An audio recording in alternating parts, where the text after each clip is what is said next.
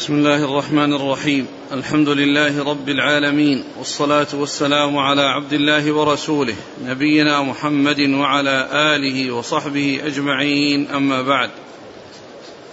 فيقول الإمام مسلم الحجاج القشيري النيسابوري رحمه الله تعالى في كتابه المسند الصحيح قال حدثنا يحيى بن يحيى قال قرأت على مالك عن نعيم بن عبد الله عن أبي هريرة رضي الله عنه أنه قال قال رسول الله صلى الله عليه وعلى آله وسلم على أنقاب المدينة ملائكة لا يدخلها الطاعون ولا الدجال. قال وحدثنا يحيى بن أيوب وقتيبة وابن حجر جميعا عن إسماعيل بن جعفر. قال أخبرني العلاء عن أبيه عن أبي هريرة رضي الله عنه أن رسول الله صلى الله عليه وآله وسلم قال يأتي المسيح من قبل المشرق همته المدينة حتى ينزل دبر أحد ثم تصرف الملائكة وجهه قبل الشام وهنالك يهلك. بسم الله الرحمن الرحيم. الحمد لله رب العالمين وصلى الله وسلم وبارك على عبده ورسوله نبينا محمد وعلى آله وأصحابه أجمعين. أما بعد فهذان الحديثان من أحاديث الدجال والأحاديث الدجال متواترة. جاءت عن رسول الله صلى الله عليه وسلم عن جماعة من الصحابة وجاءت على وجوه مختلفة ولكن مسلما رحمه الله هنا ذكر ما يتعلق بحراسة المدينة منه ومنعه من دخول المدينة وأنه لا يمكن من دخولها وإلا فإن الأحاديث فيه كثيرة ومتواترة. وقد ذكر مسلم جملة منها فيما بعد ومن أوضحها حديث النواس بن سمعان الطويل الذي يخرج من خلة بين الشام والعراق وأنه يتبعه سبعون ألفا من يهود أصبهان عليهم الطيالسة. وهذا وأورد مسلم رحمه الله في يعني في الأحاديث المتعلقة بالمدينة حراسة المدينة من دخول الدجال. في الحديث الأول يقول عن أنقاب المدينة ملائكة يعني يحرسونها من الطاعون والدجال وأنقاب المدينة يعني مداخلها أو الطرق التي تكون بين بين الجبال يعني يعني هذه هي المقصود بالأنقاب وقد مر يعني قريبا يعني ذكر يعني الأنقاب و وهنا ذكر الطاعون وقد جاء في بعض الأحاديث أو سبق أن مر في بعض الأحاديث أنهم لما قدموا المدينة وكانت وبيئة يعني فيها وباء. ف يعني وفق بين ما جاء يعني في الحديث المتقدم وبين هذا الحديث أن الطاعون لا يدخلها أنه يحمل الطاعون على الموت الذريع الذي يكون فيه الفناء والهلاك. وأما آه، كونه يحصل فيها حمى ويحصل فيها يعني يستوخمها بعض الناس وأن أن أنه يحصل لهم أمراض بسبب ذلك فهذا لا يمنعه هذا الحديث الذي هو قوله لا يدخلها الطاعون ولا الدجال. وسبق أن مر في أحاديث العرانيين أنهم استوخموا المدينة وأن الرسول عليه السلام أرسلهم إلى إبل صدقة يشربون من أبوالها وألبانها حتى صحوا وذهب ذهبت أسقامهم. وبعد ذلك اعتدوا على الراعي وقتلوه واستاقوا الإبل كما جاءت بذلك جاء بذلك الحديث الصحيح عن رسول الله صلى الله عليه وسلم. وهنا ذكر أيضا أنه يخرج من هذا المجرق وهذا كما جاء في حديث النواس بن سمعان كما أشرت أنه يخرج من خلة بين الشام والعراق. وأنه يأتي المدينة وهمته المدينة وأنه يأتي إلى المدينة فتصرفه الملائكة فيتجه إلى الشام وهنالك وهنالك يهلك. وقد جاء في بيان هلاكه أن عيسى عليه الصلاة والسلام عندما ينزل فإنه يقتله بباب لد ويريه ويري الناس دمه بحربته. ويري الناس دمه بحربته. فيعني يقتل فهو مسيح الضلالة ويقتله مسيح الهداية. لأن عيسى عليه السلام هو المسيح ابن مريم وهو وهو مسيح الهداية يقتل مسيح الضلالة الذي هو الدجال. نعم.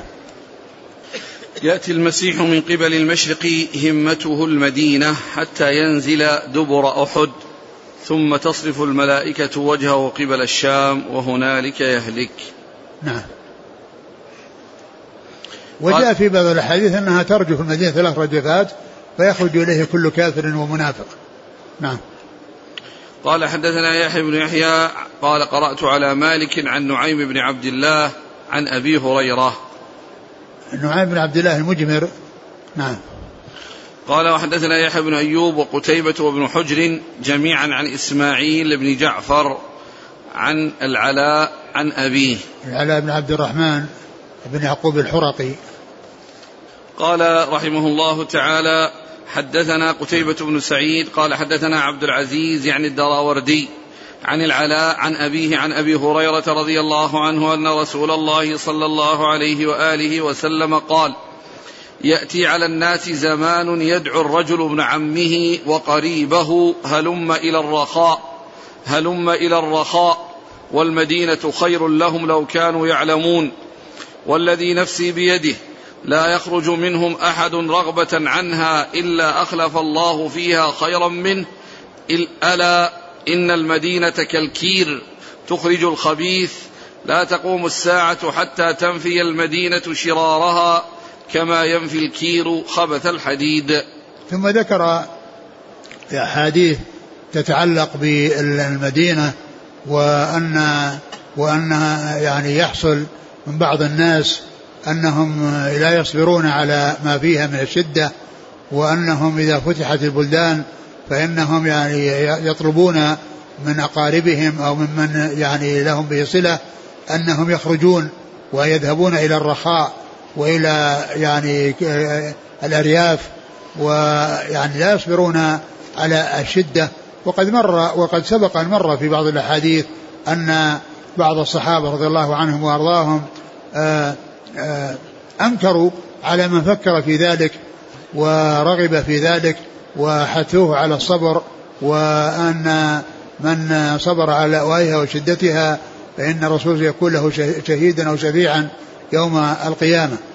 وهذا فيه أن أن الرسول عليه, عليه الصلاة والسلام أول الحديث قال يأتي على الناس زمان يدعو الرجل ابن عمه وقريبه. يعني يدعو الرجل ابن عمه وقريبه لأنه يخرجون إلى الرخاء وإلى البلاد التي فيها الخصب وفيها العيش الكثير ولا يصبرون على شدة المدينة ولأوائها نعم. إيش بعده؟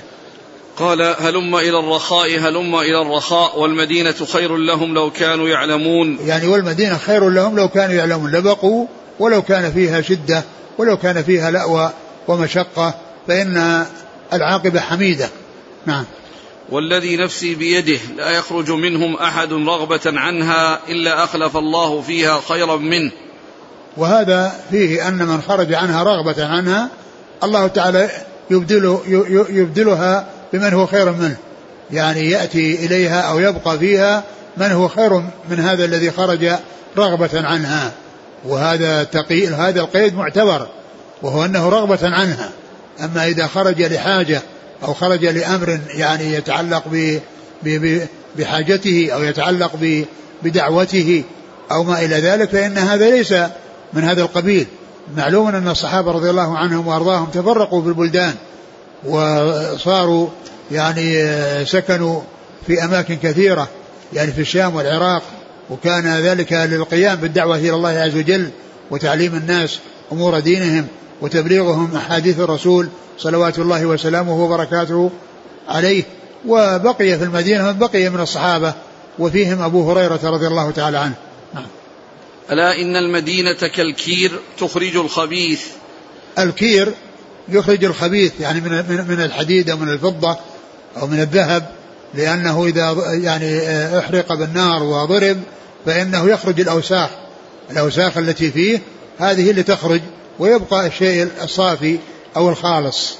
فهي كالكير تخرج يعني خبث الحديد يعني رديئه ووسخه وقدره. نعم.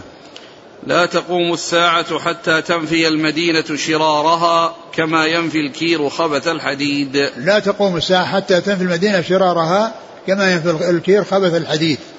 وهذا يعني يدل على أن هذا شيء مستمر وأن هذا ليس شيئا خاصا في زمن الصحابة لأنه لا تقوم الساعة حتى تنفي المدينة شرارها.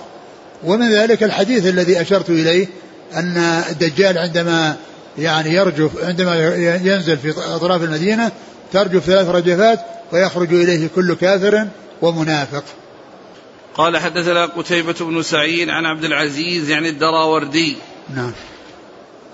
عن العلاء عن أبيه عن أبي هريرة. نعم. قال وحدثنا قتيبة بن سعيد عن مالك بن أنس فيما قرئ عليه عن يحيى بن سعيد. قال سمعت أبا الحباب سعيد بن يسار يقول سمعت أبا هريرة رضي الله عنه يقول قال رسول الله صلى الله عليه وآله وسلم أمرت بقرية تأكل القرى يقولون يثرب وهي المدينة تنفي الناس كما ينفي الكير خبث الحديد. ثم ذكر هذا الحديث عن الرسول صلى الله عليه وسلم قال أمرت بقرية تأكل القرى. يعني أمرت بالهجرة إلى قرية تأكل القرى. وفسر أكلها القرى بتفسيرين وكل منهما صحيح.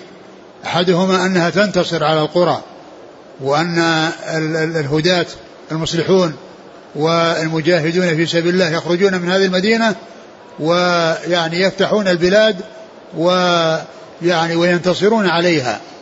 فهي قرية تأكل القرى يعني تنتصر عليها الجيوش المظفرة التي تخرج منها تنتصر على القرى التي ذهبت إليها للجهاد في سبيل الله.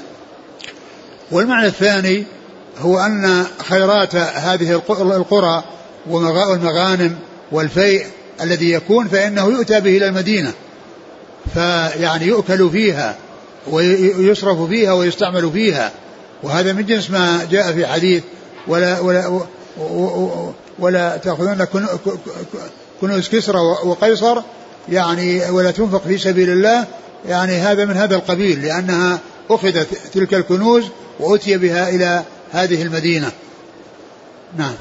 فمعنى تأكل القرى يعني إما تنتصر عليها بالجيوش المظفرة التي ذهبت للجهاد في سبيل الله وكذلك ما يترتب على ذلك من المغانم التي تؤتى بها إلى المدينة وتصرف في المدينة وتوزع في المدينة.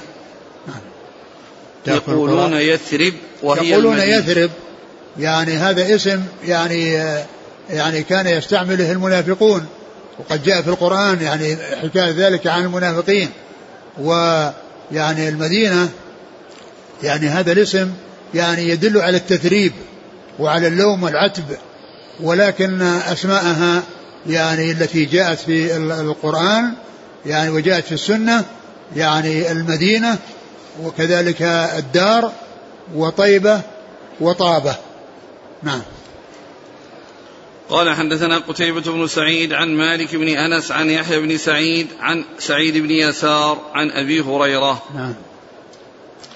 قال وحدثنا عمرو الناقد وابن أبي عمر. قال حدثنا سفيان. حاء قال وحدثنا ابن المثنى. قال حدثنا عبد الوهاب جميعا عن يحيى بن سعيد بهذا الإسناد وقال كما ينفي الكير الخبث لم يذكر الحديد. نعم. قال حدثنا عمرو الناقد وابن أبي عمر. محمد بن يحيى بن أبي عمر العدني. عن سفيان. بن عيينة. قال حا وحدثنا ابن المثنى. محمد بن المثنى. عن عبد الوهاب. بن عبد المجيد الثقفي. جميعا عن يحيى بن سعيد بهذا الإسناد. نعم.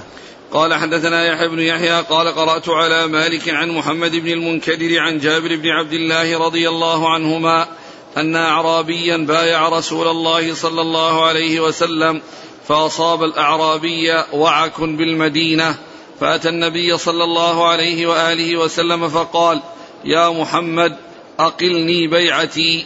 فأبى رسول الله صلى الله عليه وآله وسلم ثم جاءه فقال أقلني بيعتي. فأبى ثم جاءه فقال أقلني بيعتي. فأبى فخرج الأعرابي فقال رسول الله صلى الله عليه وسلم إنما المدينة كالكير تنفي خبثها وينصع طيبها. ثم ذكر هذا الحديث في قصة هذا الأعرابي الذي جاء وبايع النبي صلى الله عليه وسلم وهاجر إليه وثم جاء يعني أصابه وعك أصابه حمى فلم يصبر يعني في البقاء وضاق ذرعا في البقاء فطلب من السماء يقيله. يعني آه، بيعته ومبايعته على على على الهجرة. فأبى الرسول صلى الله عليه وسلم وذلك أن من جاء مهاجرا يعني لا يترك وهذا كان هذا قبل الفتح كما جاء في الحديث لا هجرة بعد الفتح. فكانوا يهاجرون إلى الرسول صلى الله عليه وسلم لينصروه ويؤيدوه ويجاهدوا معه. يعني هذا شأن المهاجرين الذين يهاجرون إلى المدينة. فالرسول صلى الله عليه وسلم أراد أن يبقى على هجرته وعلى ما أقدم عليه من الخير ثم إنه كرر ذلك ثلاث مرات ولم يأذن له الرسول صلى الله عليه وسلم فخرج بدون إذن فخرج بدون إذن. فالرسول عليه السلام قال يعني عند ذلك أن المدينة تنفي خبثها كما ينفي الكير خبث الحديد. نعم. قوله هنا أصابه وعك يعني لا ينفي أن وجود مرض في المدينة مع أن النبي صلى الله عليه وسلم دعا لها. نعم دعا لها لكن كونه يعني يحصل يعني مرض يعني أحيانا لا يعني ذلك أنها تخلو من جميع الأمراض وأن الإنسان فيها لا يصيبه مرض. فالواقع يعني يدل على على على ذلك. ولكن الشيء الذي يعني انتفى هو الشيء الذي ما يتعلق بالطاعون.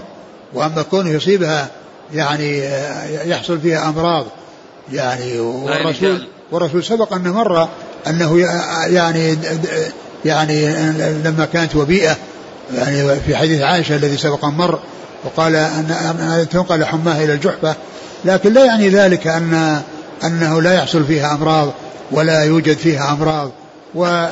والعرانيين كما هو معلوم يعني حصل لهم أمراض واستوخموا وانتفخت بطونهم والرسول ارسل عليه الصلاة والسلام أرسلهم إلى ابل الصدقة يشربون من ألبانها وأبوالها حتى صحوا وسلمت أجسامهم من السقم. قال حدثنا يحيى بن يحيى عن مالك عن محمد بن المنكدر عن جابر بن عبد الله. نعم.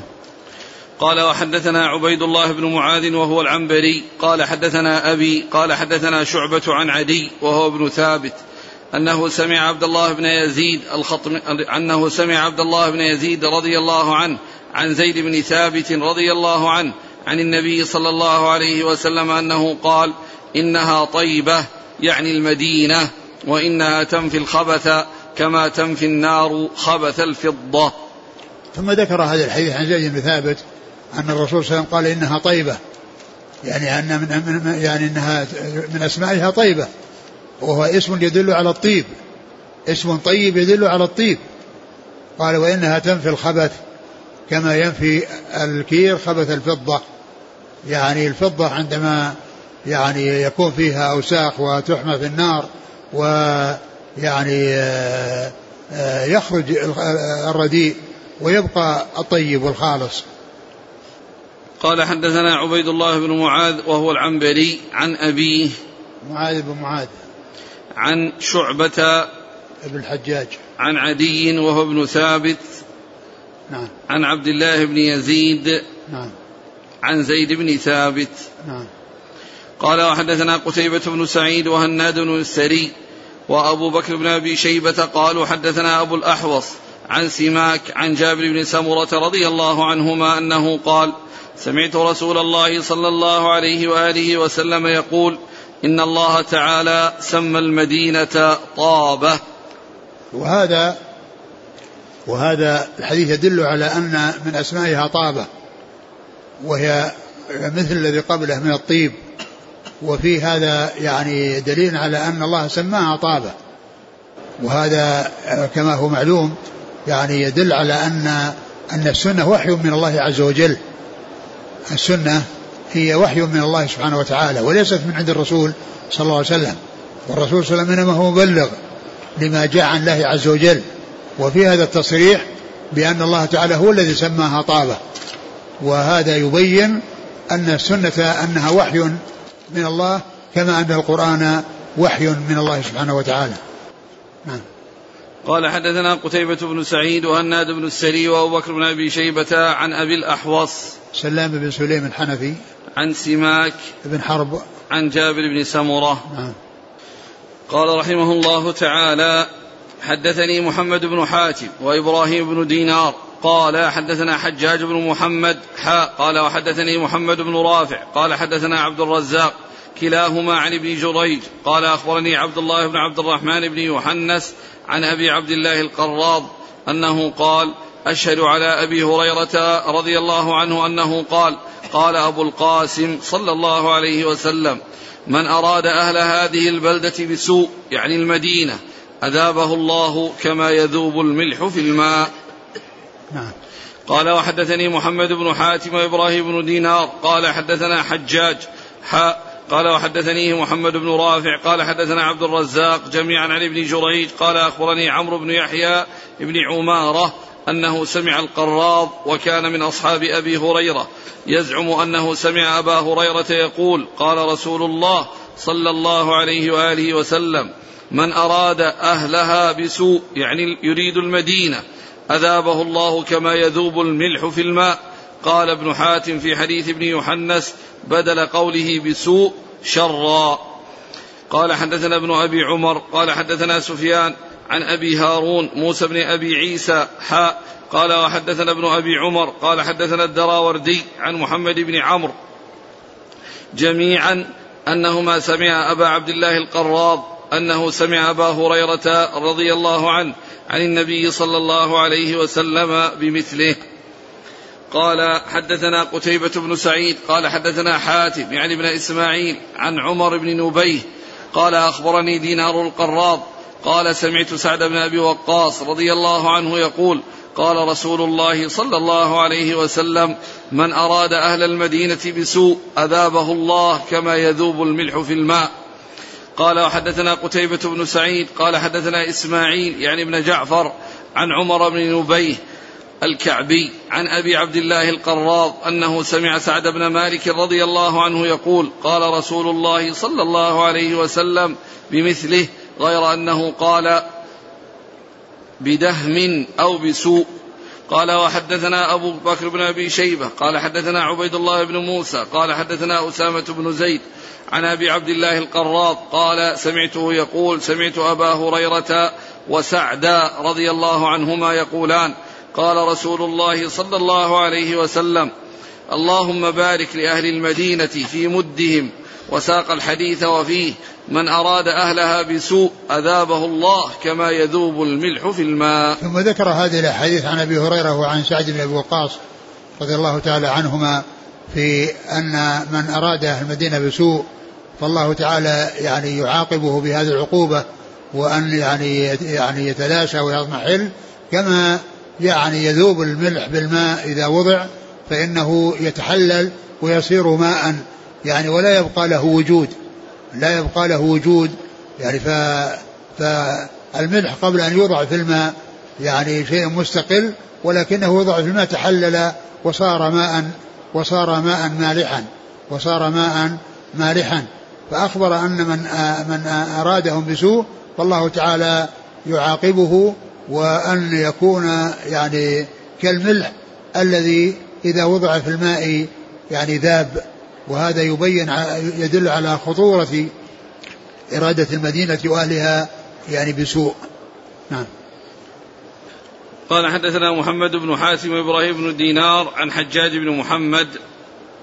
نعم هو الأعمر المصيصي قال حدثني محمد بن رافع عن عبد الرزاق ابن همام الصنعاني. عن ابن جريج عبد الملك بن عبد العزيز بن جريج. عن عبد الله بن عبد الرحمن بن يوحنس عن أبي عبد الله القراض. وهذا جاء اسمه دينار في حديث يعني من رواية عن سعد بن أبي وقاص لأنه آه، سمي وذكر اسمه في بعض الروايات في الباب. نعم. والقراض قيل هو الذي يبيع القرض. الذي هو القرض الذي هو تدبغ به الجلود. نعم. قال وحدثنا ابن أبي عمر عن الدراوردي. نعم هو عبد العزيز بن محمد الدراوردي. عن محمد بن عمرو. بن علقمة. نعم. بن وقاص عن أبي عبد الله القراض عن أبي هريرة. نعم. آه الشيخ محمد علي آدم في كتابه البحر المحيط الثجاج. نعم. عندما نقل عن بعض العلماء في أسماء المدينة. نظم بعض أسمائها. قال ولمدينة الرسول وردا عدة أسماء فهاك رشدا طابة طيبة كذا المدينة جابرة والدار والمسكينة مجبورة يثرب والمطيبة ثم المحبوبة مع المحببة كذلك الإيمان والقاصمة. فهذه كذلك الإيمان والقاصمة. فهذه أسماؤها السامية. وزاد بعضهم إلى أن جاوزا تسعين في الوفاء تراه أحرزا. ذكر أن في وفى الوفاء للسمهودي نيف وتسعين اسماء على كل ليس كل شيء يذكر. يعني يكون صحيحا لكن الذي صح الذي جاء في القرآن المدينة هو الدار يتبوأ الدار والإيمان من قبلهم. ولا يقال أن الإيمان هو من أسماء المدينة ولكنهم يعني تبوأوا الدار اللي هو المدينة والإيمان الذين هم سبقوا إلى الإيمان. ويعني يعني فليس من أسماء المدينة الإيمان لكن من أسمائها الدار. ويعني فالمدينة والدار هذه جاءت في القرآن. وأما الطابة وطيبة فجاءت في السنة. نعم. وهي موجودة في صحيح مسلم كلها طيبة وطابة في هذا الباب الذي مر. نعم. قال رحمه الله تعالى حدثنا أبو بكر بن أبي شيبة قال حدثنا وكيع عن هشام بن عروة عن أبيه عن عبد الله بن الزبير عن سفيان بن أبي زهير رضي الله عنه أنه قال قال رسول الله صلى الله عليه وآله وسلم تفتح الشام فيخرج من المدينة قوم بأهليهم يبسون والمدينة خير لهم لو كانوا يعلمون. ثم تفتح اليمن فيخرج من المدينة من المدينة قوم بأهليهم يبسون والمدينة خير لهم لو كانوا يعلمون. ثم يفتح العراق فيخرج من المدينة قوم بأهليهم يبسون والمدينة خير لهم لو كانوا يعلمون. قال حدثنا محمد بن رافع قال حدثنا عبد الرزاق قال أخبرنا ابن جريج قال أخبرني هشام بن عروة عن أبيه عن عبد الله بن الزبير عن سفيان بن أبي زهير رضي الله عنهما أنه قال سمعت رسول الله صلى الله عليه وآله وسلم يقول يفتح اليمن فيأتي قوم يبسون فيتحملون بأهليهم ومن أطاعهم والمدينة خير لهم لو كانوا يعلمون ثم يفتح الشام فيأتي قوم يبسون فيتحملون بأهليهم ومن أطاعهم والمدينة خير لهم لو كانوا يعلمون ثم يفتح العراق فيأتي قوم يبسون فيتحملون بأهليهم ومن أطاعهم والمدينة خير لهم لو كانوا يعلمون. ثم ذكر هذه الأحاديث المتعلقة بالمدينة وان وأنه عندما يفتح يعني يفتح العراق تفتح الشام واليمن والعراق أنه يعني يأتي أناس يعني يبسون يعني يعني كما مر يقول الواحد لأقاربه ولبني عمه لأنهم يذهبون إلى الرخاء والرسول عليه السلام أخبر بأن بقاءهم في المدينة وعدم ذهابهم إلى الأماكن التي فيها الرخاء آه أنه خير لهم لو كانوا يعلمون. لو كانوا يعلمون لبقوا ولم يحصل منهم خروج من أجل آه طيب الرزق وكثرة الرزق وإنما إذا صبروا على اللأوى والشدة فإن ذلك يكون خيرا لهم وأحسن في, في, في, في, في العاقبة.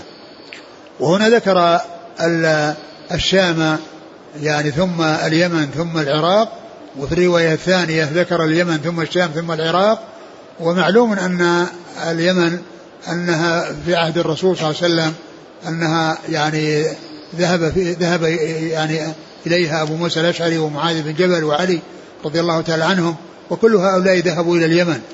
فإما أن يكون يعني ال ال أن أنه بقي شيء يعني لم يفتح وفتح بعد زمنه صلى الله عليه وسلم أو أن أنها يعني فتحت في الأول ولكن الذهاب إليها والرغبة إليها يعني بالذهاب من أجل الرزق إنما جاء بعد بعد وفاته عليه الصلاة والسلام.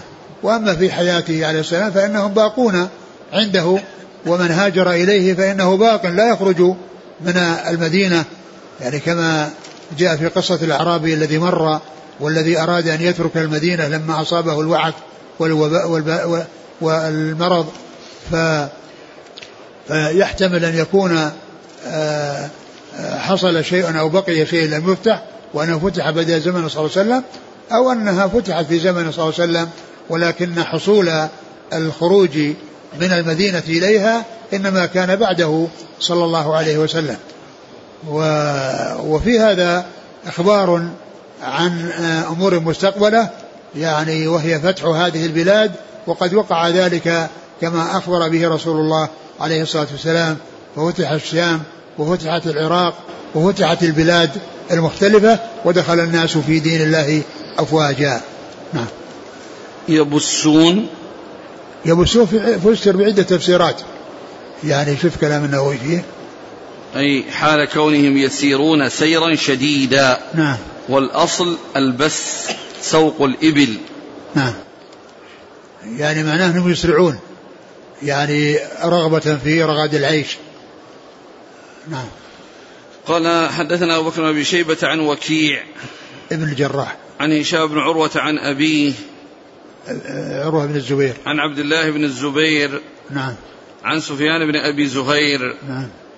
قال حدثنا محمد بن رافع عن عبد الرزاق عن ابن جريج عن هشام بن عروة عن أبيه عن عبد الله بن الزبير عن سفيان بن أبي زهير. نعم. قال رحمه الله تعالى حدثني زهير بن حرب قال حدثنا أبو صفوان. عن يونس بن يزيد حاء قال وحدثني حرملة بن يحيى واللفظ له قال أخبرنا ابن وهب قال أخبرني يونس عن ابن شهاب عن سعيد بن المسيب أنه سمع أبا هريرة رضي الله عنه يقول قال رسول الله صلى الله عليه وآله وسلم للمدينة ليتركنها أهلها على خير ما كانت مذللة للعوافي يعني السباع والطير قال مسلم أبو صفوان هذا هو عبد الله بن عبد الملك يتيم بن جريج عشر سنين كان في حجره. قال وحدثني عبد الملك بن شعيب بن الليث قال حدثني أبي عن جدي قال حدثني عقيل بن خالد عن ابن شهاب أنه قال أخبرني سعيد بن المسيب أن أبا هريرة رضي الله عنه قال سمعت رسول الله صلى الله عليه وسلم يقول يتركون المدينة على خير ما كانت لا يغشاها إلا العوافي يريد عوافي السباع والطير. ثم يخرج راعيان من مزينة يريدان المدينة ينعقان بغنمهما فيجدانها وحشا حتى إذا بلغا ثنية الوداع خرا على وجوههما. ثم ذكر هذه الأحاديث المتعلقة بالمدينة وأنها في آخر الزمان أنها يتركها أهلها وأن يعني آآ آآ وأنه يعني يحصل أن أن أن أن أن راعي غنم من من من مزينة. راعيان. راعيان من مزينة. يريدان المدينة. يريد قيل, قيل إنهما آخر من يحشر. يعني وأنهما يعني يموتان. يعني في عند عند عند عند, عند في آخر عند قيام الساعة. يعني جاء في بعض الأحاديث أنهما يعني أنهما آخر من يحشر. وأظن هذا في صحيح البخاري يعني هذه العبارة التي التي هي آخر من يحشر. وهذا في آخر الزمان. يعني عندما يكون الله أعلم أنهم يذهبون إلى الشام يعني حيث ينتقل الناس إلى الشام وإلى أرض المحشر هناك المحشر الذي هو الاجتماع الذي يكون قبل قيام الساعة وأنه يكون فيها هذان الراعيان وأنهما يهلكان يعني في يعني و ويكون هم آخر من يحشر يعني ممن يعني يموت و يعني في هذه الجهة التي هي المدينة. نعم. أعيد الحديث. قال صلى الله عليه وسلم للمدينة ليتركنها أهلها على خير ما كانت مذللة للعوافي. العوافي اللي هي السباع من السباع والطير. يعني معناه أنها يعني أهلها يخرجون منها ولعل ذلك للذهاب إلى الشام. كما جاء في الحديث أن أنه في آخر الزمان يعني آه، يخرج نار من يعني من من عدن وأنها تسوق الناس يعني يعني يذهبون إلى يذهبون المحجر الذي يجتمعون في أرض الشام. ولهذا ينزل عيسى بن مريم ويخرج الدجال ويخرج أجوج ومأجوج ويحصل الهلاك يعني بعد ذلك. نعم.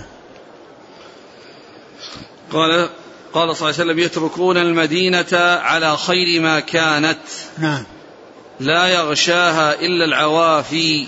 نعم. يريد عوافي السباع والطير. نعم. ثم يخرج راعيان من مزينة يريدان المدينة. نعم. ينعقان بغنمهما. يعني ينعقان يصوتان يعني في نداء الغنم. نعم. فيجدانها وحشا. يعني يجدان المدينة. نعم. يعني مستوحشة. نعم. حتى إذا بلغا ثنية الوداع خرا على وجوههما. نعم. يعني هلك هل هذه قد خلت؟ لا هذه ستأتي. أقول ما مضت. هذا في آخر الزمان والله أعلم عندما يعني الناس ينتقلون إلى الأرض المحشر في الشام. قال حدثني زهير بن حرب عن أبي صفوان. أبو صفوان هذا ذكره مسلم. بعد ذلك فقال قال مسلم أبو صفوان هذا هو عبد الله بن عبد الملك. نعم. بينما الموجود في الخلاصة والتقريب عبد الله بن سعيد بن عبد الملك. عبد الله بن عبد الملك؟ إيه. هنا؟ نعم. إيه يعني معناه إنه منسوب إلى جده. يتيم ابن جريج. عشر سنين كان في حجره. نعم يتيم ابن جريج يعني كان في حجره كأنه ربيب. كأنه ربيب وأنه, وأنه يرعاه. نعم. عن يونس بن يزيد الأيلي الأيلي نعم. حا قال حدثنا حرملة بن يحيى واللفظ له قال أخبرنا ابن وهب. عبد الله بن وهب. عن يونس عن ابن شهاب عن سعيد بن المسيب عن أبي هريرة. نعم. قال حدثني عبد الملك بن شعيب بن الليث عن أبيه عن جده. نعم. عن عقيل بن خالد. نعم. عن ابن شهاب عن سعيد المسيب عن أبي هريرة. قال رحمه الله تعالى حدثنا قتيبة بن سعيد عن مالك بن أنس فيما قرئ عليه عن عبد الله بن أبي بكر عن عباد بن تميم عن عبد الله بن زيد المازني رضي الله عنه أن رسول الله صلى الله عليه وسلم قال ما بين بيتي ومنبري روضة من رياض الجنة. قال حدثنا يحيى بن يحيى قال أخبرنا عبد العزيز بن محمد المدني عن يزيد بن الهاد عن أبي بكر عن عباد بن تميم عن عبد الله بن زيد الأنصاري رضي الله عنه أنه سمع رسول الله صلى الله عليه وآله وسلم يقول ما بين منبري وبيتي روضة من رياض الجنة.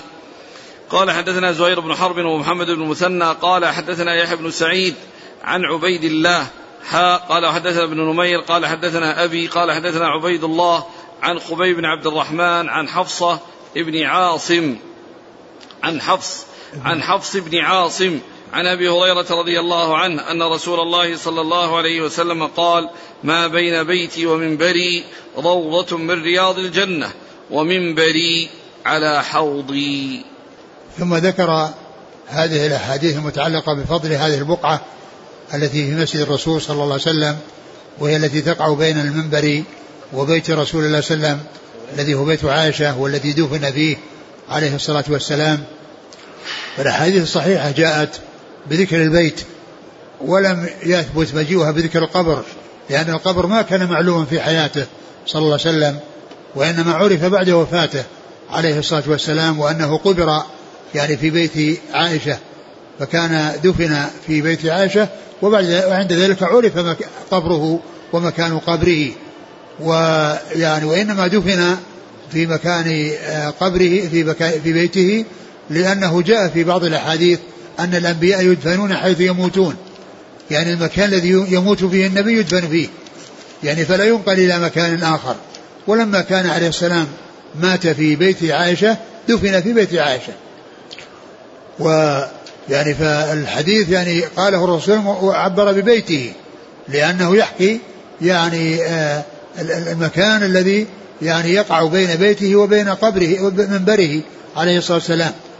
والبخاري رحمه الله ترجم قال باب فضل ما بين القبر والمنبر. فضل ما بين القبر والمنبر. يعني وهذا يعني بالمعنى يعني بعدما يعني دفن الرسول صلى الله عليه وسلم وعرف أن قبره في هذا المكان يعني هذا يعني بالمعنى وإلا فإنه لم يثبت ذكر القبر مضاف إلى الرسول عليه الصلاة والسلام وأنه قال ما بين قبري ومنبري روضة من رياض الجنة هذا لم يثبت فيه سنة عن رسول الله عليه الصلاة والسلام. ولكن بعد دفنه صلى الله عليه وسلم يعني يقال أنه بين القبر والمنبر أو بين البيت, البيت والمنبر. لأنه دفن صلى الله عليه وسلم في هذا المكان فصار هذا من حيث المعنى. يعني وإلا فإن ذكر القبر على لسان الرسول صلى الله عليه وسلم لم يثبت لأن القبر ما كان معروفا. عند الصحابة في حياة الرسول عليه الصلاة والسلام. وهذا يدل على فضل هذه البقعة وأن المسجد يعني شأنه عظيم وفضله كبير وقد جاء صلاة في مسجد هذا خير من ألف صلاة فيما سواه إلا المسجد الحرام. وجاء هذا الحديث يدل على فضل هذه البقعة وهذا يدل على ميزة هذه البقعة ولكن ميزتها تكون بالصلاة فيها والدعاء. وأما بالنسبة لصلاة الجماعة فإن الصفوف التي أمامها أفضل منها. الصفوف التي أمامها أفضل منها لأن الرسول عليه الصلاة والسلام يقول خير صفوف الرجال أولها وشرها آخرها. ف, ف لكن بالنسبة للنافلة إذا صلى الإنسان فيها من غير أن يؤذي أحدا فيها أو في الطريق إليها فإن يعني في ذلك فضل عظيم ولكن ليس هناك تعديد وتقدير. لشيء أكثر مما جاء في قوله صلى الله عليه وسلم ما بين بي آه، آه، صلاة في المسجد هذا خير من ألف صلاة فيما سواه للمسجد الحرام. لكن تنصيص عليها وأنها بقعة وأنها روضة من رياض الجنة يدل على تميزها. وهذا كما قلنا إنما يكون في النوافل من غير أن يضر بأحد فيها أو في الطريق إليها. قال في الآخر ومنبري على حوضي. و والله تعالى أعلم بمعنى يعني هذا الحديث. نعم. قال حدثنا قتيبة بن سعيد عن مالك بن أنس عن عبد الله بن أبي بكر. ابن محمد بن عمرو بن حزم. عن عباد بن تميم عن عبد الله بن زيد المازني. نعم. قال حدثنا يحيى بن يحيى عن عبد العزيز بن محمد المدني. هذا هو الدراوردي لأنه يأتي ذكره المدني ويأتي ذكره الدراوردي وهو شخص واحد. عن يزيد بن الهاد. هو يزيد بن عبد الله بن أسامة بن الهاد. عن أبي بكر عن عباد بن تميم عن عبد الله بن زيد الأنصاري. نعم. قال حدثنا زهير بن حرب ومحمد بن مثنى. قال حدثنا يحيى بن سعيد. القطان. عن عبيد الله. العمري. ها قال حدثنا ابن نمير. محمد بن عبد الله بن نمير. عن أبيه عن نعم. عبيد الله. عن خبيب بن عبد الرحمن. عن حفص بن عاصم. نعم. عن أبي هريرة. نعم. قال رحمه الله تعالى حدثنا عبد الله بن مسلمة القعنبي قال حدثنا سليمان بن بلال عن عمرو بن يحيى عن عباس بن سهل الساعدي عن أبي حميد قال خرجنا مع رسول الله صلى الله عليه وسلم في غزوة تبوك وساق الحديث وفيه ثم أقبلنا حتى قدمنا وادي القرى فقال رسول الله صلى الله عليه وآله وسلم إني مسرع فمن شاء منكم فليسرع معي ومن شاء فليمكث. فخرجنا حتى أشرفنا على المدينة فقال هذه طابة وهذا أحد وهو جبل يحبنا ونحبه. ثم ذكر آه، يعني هذا الحديث أن الرسول صلى الله عليه وسلم لما قدم من تبوك وكان لما جاء في وادي القرى أخبر بأنه سيتقدم وأنه سيذهب إلى المدينة فمن أراد أن يتعجل معه يفعل. ومن أراد أن يتأخر يتأخر فذهبوا مع ذهب مع ذهب معه صلى الله عليه وسلم حتى أشرفوا على المدينة فقال عليه السلام هذه طابة هذه طابة.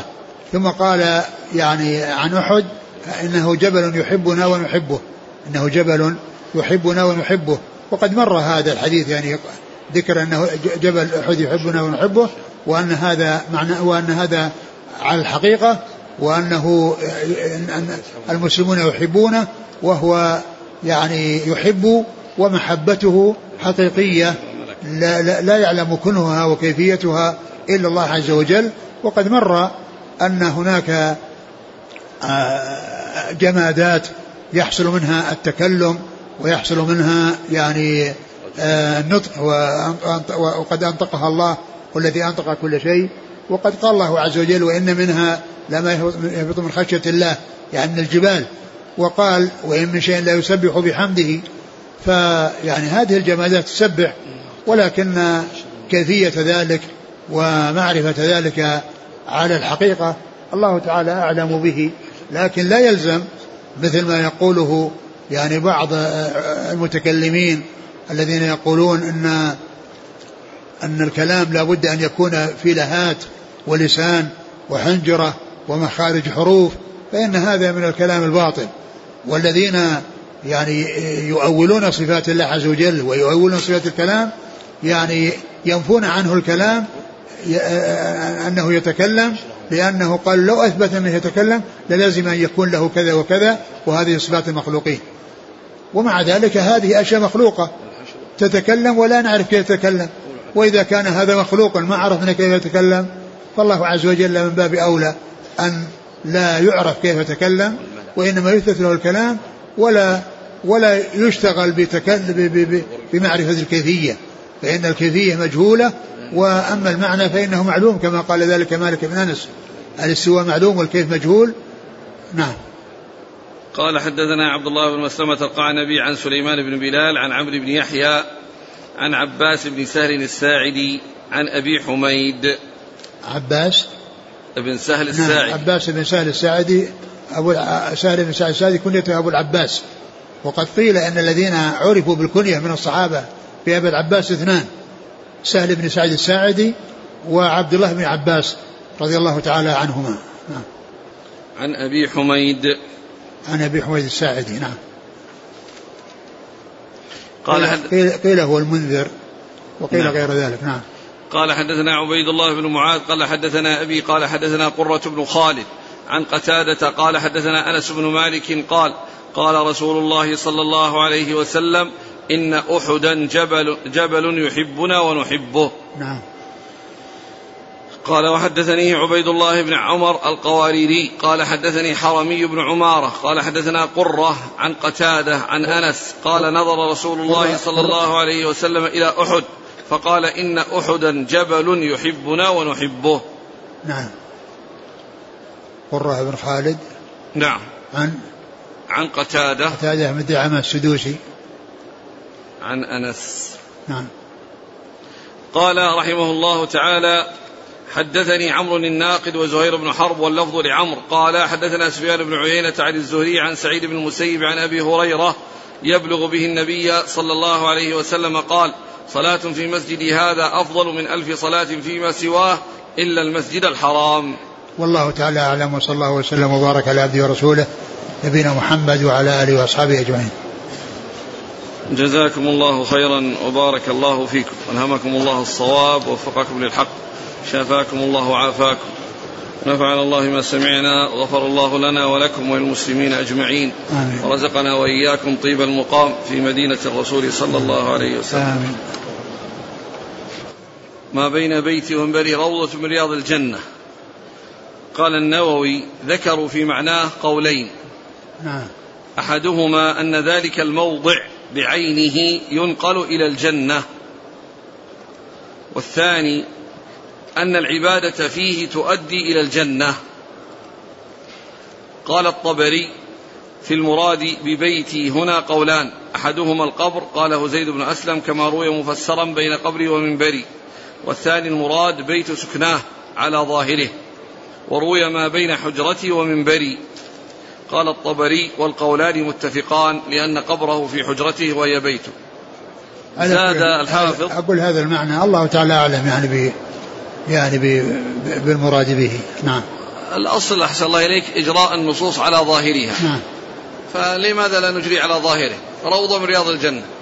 نعم لكن بس أن كونه يعني ينقل أو كذا إلى آخره هذا شيء هذا ما في شيء يعني يدل عليه. وقوله منبري على حوضي يعني منبر الرسول صلى الله عليه وسلم الذي يعني آه الذي كان يخطب عليه ليس موجودا وقد ذهب واحترق الحافظ بن حجر زاد قولا ثالثا على القولين الذي ذكرهم النووي. روضة من رياض الجنة أي كروضة من رياض الجنة في نزول الرحمة وحصول السعادة. هذا قريب من الثاني اللي ذكر النووي. لا قال العبادة تؤدي إلى الجنة. أي نعم. النووي نعم. قال الأول أن تنقل إلى الجنة. والثاني أن العبادة فيه نعم. تؤدي إلى الجنة. وهذا الثاني وش اللي قال برجاء قول الحافظ محمد يقول لا أن آه، روضة من رياض الجنة في نزول الرحمة وحصول السعادة بما يحصل من ملازمة حلق الذكر لا سيما في عهده. قريب قريبا من هذا الثاني. نعم فيكون تشبيها بغير أداة أو المعنى أن العبادة أو هذا المعنى الآخر.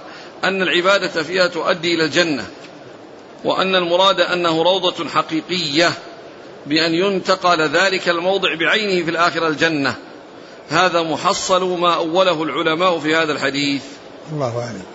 يقول الشيخ محمد علي آدم قال الجامع عفى الله عنه عندي الأولى حمل الحديث على ظاهره لأن حمل النصوص على ظاهر ما دلت عليه ويتبادر إلى الذهن إذا أمكن هو المتعين ثم هو مع ذلك لا ينافي المعاني الأخر بأن يقال هو روضة من رياض الجنة حقيقة وهو محل نزول الرحمة وأن العبادة فيه توصل إلى الجنة. ومنبري على حوضي قال القاضي عياض قال أكثر العلماء المراد منبر منبره صلى الله عليه وسلم بعينه الذي كان في الدنيا قال وهذا هو الأظهر. قال وأنكر كثير منهم غيره. قال وقيل إن له هناك منبرا على حوضه. وقيل معناه أن أن قصد منبره. والحضور عنده لملازمة الأعمال الصالحة. يورد صاحبه الحوض ويقتضي شربه منه. انتهى. وقال الحافظ في الفتح ومنبري على حوضي أن ينقل يوم القيامة فينصب على الحوض. وقال الأكثر المراد منبره بعينه. صلى الله إليك. جاءت أسئلة تسمية المدينة المنورة.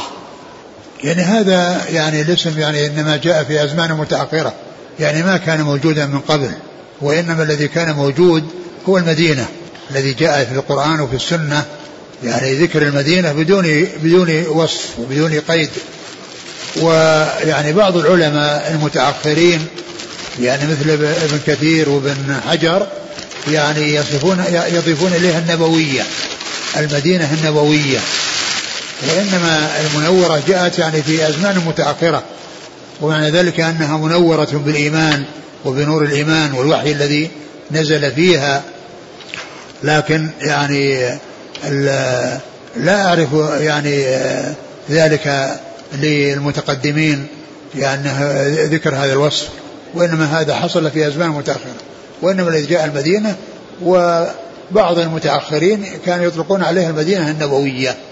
هذا موجود في في عند ابن كثير في البداية والنهاية وكذلك موجود عند ابن حجر في فتح الباري. نعم. يقول هل الوحش وأنا ذكرت يعني بعض المواضع التي ورد فيها في الفوائد المنتقاة فتح الباري وكتب أخرى. ذكرت يعني مواضع متعددة عن ابن كثير وعن ابن حجر آه، في ذكر وصفها بالنبوية. نعم. يقول هل المقصود بأهل المدينة كل من يسكن فيها؟ والله الذي يبدو نعم من يسكن فيها يقال ابن أهل المدينة. لكن لا يقال يعني من ناحية المعنى أن من جاء يعني يعني زائرا يعني لمدة يعني يوم أو يومين قال من أهل المدينة ليس من أهل المدينة هذا وافد عن المدينة. لكن إذا استوطنها واستقر يعني فيها ويذكر عن النووي يعني ما أذكر وين ذكر فيه قال أن من جلس فيها أربع سنوات ينسب إليها. يعني البلد إذا جلس فيه أربع سنوات ينسب إليه. المدينة وغير المدينة. هو في شرح المقدمة؟ نعم. هو في شرح مقدمة مسلم؟ ما أدري وين ذكر فيه. تدرس اللغات. هذا يسأل يقول هل يوصف الله سبحانه وتعالى بأنه شيء؟ نعم. يعني هو شيء لا كالأشياء يعني المقصود به الذات. وليس مقصود الصفة. يعني فقل أي شيء أكبر شهادة قل الله. يقول إذا ذكر اليمن. لا يقال لا يقال أن هذه صفة. لأن صفات الله عز وجل يعني ال ال يعني تدل على معاني وأما هذا مقصود به الذات. يعني الله تعالى شيء. نعم. يقول ما ما المعنى إذا ذكر اليمن في الأحاديث؟ هو هل هو اليمن المعروف الآن؟ يعني لا شك ان أن اليمن الموجود هذا منه لكنه يعني واسع. يعني اليمن أقول أقول واسع يعني ليس مقصورا على ما هو موجود الآن. ولهذا يقال إن يعني كل ما كان عن مكة يعني هذا قال له يماني. يقول إذا خرج الإنسان من المدينة خوفا من أن يذنب فيها فيطبق عليه الأحاديث. أحدث فيها حدثا أو آوى محدثا. على كل يعني ال مجرد الخوف يعني الإنسان يبقى في المدينة ويحرص على الاستقامة وبذلك يحصل يعني الأجور العظيمة. هذا يقول ما حكم شراء سيارة بالتقسيط ثم بيعها إلى معرض سيارة آخر؟ الإنسان إذا اشترى سيارة بالتقسيط وأراد أن يبيعها فله أن يبيعها لكن لا يبيعها اللي اشتراها منه لأنه لو عليه صارت العينة. وذلك أن العين رجعت إلى صاحبها وبقيت الذمة مشغولة يعني ببعض القيمة. لكن إذا باعها على غير من اشتراها منه هذه اللي, اللي يسمونها التورق. يعني يعني يشتري شيء غائب ثم يبيعه من أجل يحصل الورق. نعم. وهذا يسأل عن ما يسمى بجمعية الموظفين.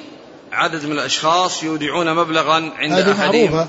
هذه معروفة وهذه من المسائل الجديدة والحديثة وقد يعني بحثت أو جمع العلماء في هذا الزمان كثير منهم يجيزونها والذي يبدو أن السلامة منها أنها أسلم وذلك أنها لا تخلو من شبهة وأن كل واحد يقرض من أجل أن يقرض.